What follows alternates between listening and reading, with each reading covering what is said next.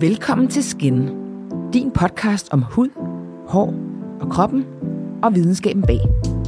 Mit navn er anne Christine Persson. Og mit navn er Karen Marie Groth.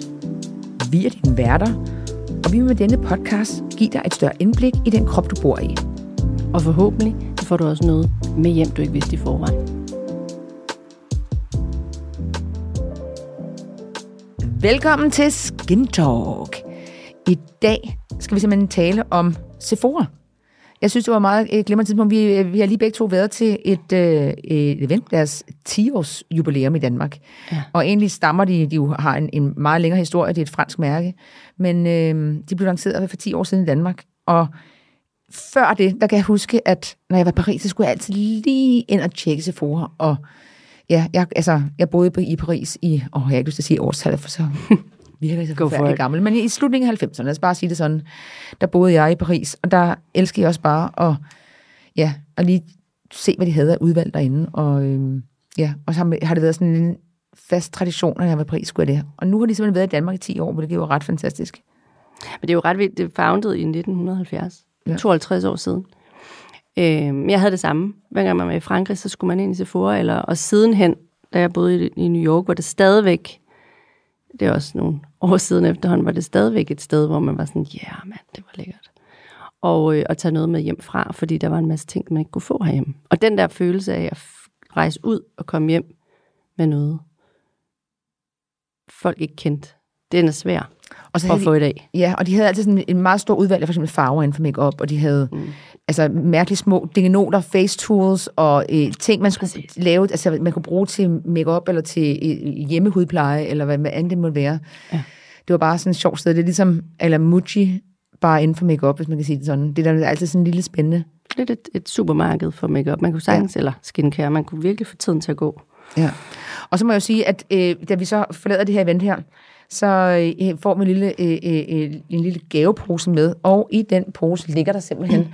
og det bliver vi nødt til at tale om, der ligger simpelthen øh, Silky Swipes, og så står der S, står i, i parenteser, øh, så det er wipes, og det er simpelthen... Øh, jeg ved ikke, om det rigtige ord er på dansk, men en, en, en, en vaginal vådserviet, kan vi måske godt kalde det. Vulva-serviet. Ja, det er, øh, den er specifically formulated for the vulva, cleansing, soothing and refreshing. Og jeg tænker, at det er sådan nogle, man kan have i Prøv at en op. Ja, at jeg tænker, det er sådan nogle, det er sådan nogle der, er, der er måske 10 øh, servietter her i, og øh, det er ligesom sådan en vådserviet, man får udleveret på fly, for eksempel. Og, øh, og jeg tænker, at man kan, man kan bruge den on, on the go. Vil du mm. gerne prøve den nu, Karen? Fordi det tror jeg, jeg må skal, sige, at jeg tror, jeg, jeg skal... var ude, ude af vores studie nu. Nico, kan du lige uh, lukke døren? Nej, jeg vil dufte til den. Fordi det eneste er, at der bare står, der er parfume i, så jeg vil bare lige dufte. Det, øhm, det, I min verden giver det. Ja, og så tænker jeg, det simpelthen kan bruge on the go. Altså hvis man er ude, og øh, man lige føler en, man har lige brug for en lille pick-me-up, en lille refresher. Det er en dejlig blød lille serviet. The, den fresh, dufter, the den fresh dufter, maker. Den dufter lidt. Det er, først, øh, der er ekstrakt af øh, øh, kamilleblomster, mm. øh, blomster, og, øh, og så er der aloe vera og E-vitamin i. Ja, den er testet, øh, så det, jeg tænker, den burde være ok inden for... Øh, jeg kan godt lide, når de er sådan, altså jeg tænker også, den går også godt til en lille håndvask. skal, vi, skal, jeg, skal jeg bruge din? Nu giver mig en brugt. Nå. Nå, men der var mange lækre ting i. Øh, ja. den der pose. Men Nå, det her, det toppede den helt klart. Ja, men når man... Øh, så er der også sket noget andet spændende i branchen, øh, og det er den svenske øh, beautyvirksomhed. Ja. Nu siger jeg det på svensk. Jeg har lyst til at sige det på svensk. Jeg ved jeg faktisk ikke, hvordan det skal Jeg siger Byredo. Det kan godt være, det hedder Byredo. Øh, men det er jo øh, den der, det er en parfumevirksomhed, der startede i... 2006, ikke? Ja. Ben Gorman. Ja, og den er, lige, øh, den er simpelthen blevet solgt øh, for intet mindre end 1 milliard euros. Det er jo vildt. Det er 7,5 milliard kroner. Og der var tale om, det var Loyal, der skulle på banen der. Ja, og så blev det... der var mange spekulationer ja. omkring, hvem der havde ligesom ja. vist interesse for at, at købe den. Og så gik det til, Karen, du tager navnet. Jeg kan mærke det. Nej, det gør jeg ikke. du siger det. Det er en spansk øh, konglomerat, og jeg ved faktisk ærligt ikke, hvordan jeg skal udtale det.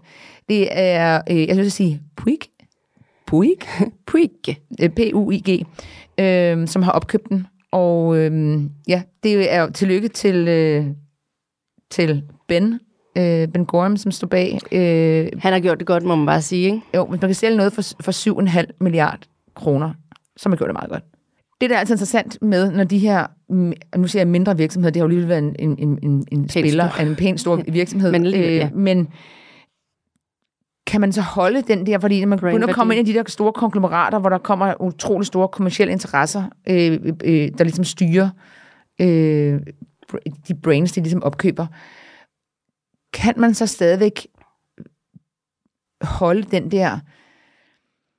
Jamen altså brandværdien. Ja, brainværdi, men også det der med, Og der er sådan, man, har, man starter jo som en, en, en startup, det, og det starter altid med sådan en, en, en god øh, iværksætter og en god idé, og på et tidspunkt begynder ideen at blive udvandet en lille smule af, ja, det er det der problem, der sker, når, der, når, når man skal tjene penge på ting, så begynder man også at udvande koncepter.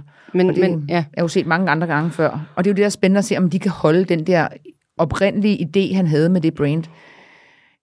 det er jo altid der, den ligger. Man må, man må vente og se, om det, om det kan det. Det ville være ærgerligt, hvis, hvis det ikke kunne lade sig gøre. Men jeg tænker, han har også været frontløber på at opbygge en virksomhed og virkelig gå all in på værdisæt og brandværdi på en måde, som de skal se, virkelig gøre sig umage, ikke? dem der ligesom går ind i det, for ligesom at bevare den der, når, han, når man er den, der opkøber. Og nu, nu ved jeg ikke, om han selv fortsætter med at være Nej, det ved jeg CEO heller ikke. og sådan nogle ting, fordi det er jo, det er jo sådan nogle faktorer, der er vigtige. Ja, men nogle gange lige, lige præcis, bliver- der kommer de der salg der, så øh, enten så øh, bliver folk i en vis periode, hvor de har øh, committet sig til at sige, så bliver vi to, ikke? Præcis. Så for ligesom at være med til at Så lige undersøge den her- DNA ind. Så lige den her, den må vi uh, wait out Ja. og komme tilbage til. Ja. Men spændende i hvert fald. Men Det tillykke til, øh, tillykke til ham ja. Med de 7,5 milliarder Det kroner. bliver en god jul. det bliver en rigtig god jul i 2022. Ja, præcis. Så- Men øh, det var det for i dag. Det var det for i dag. Hej.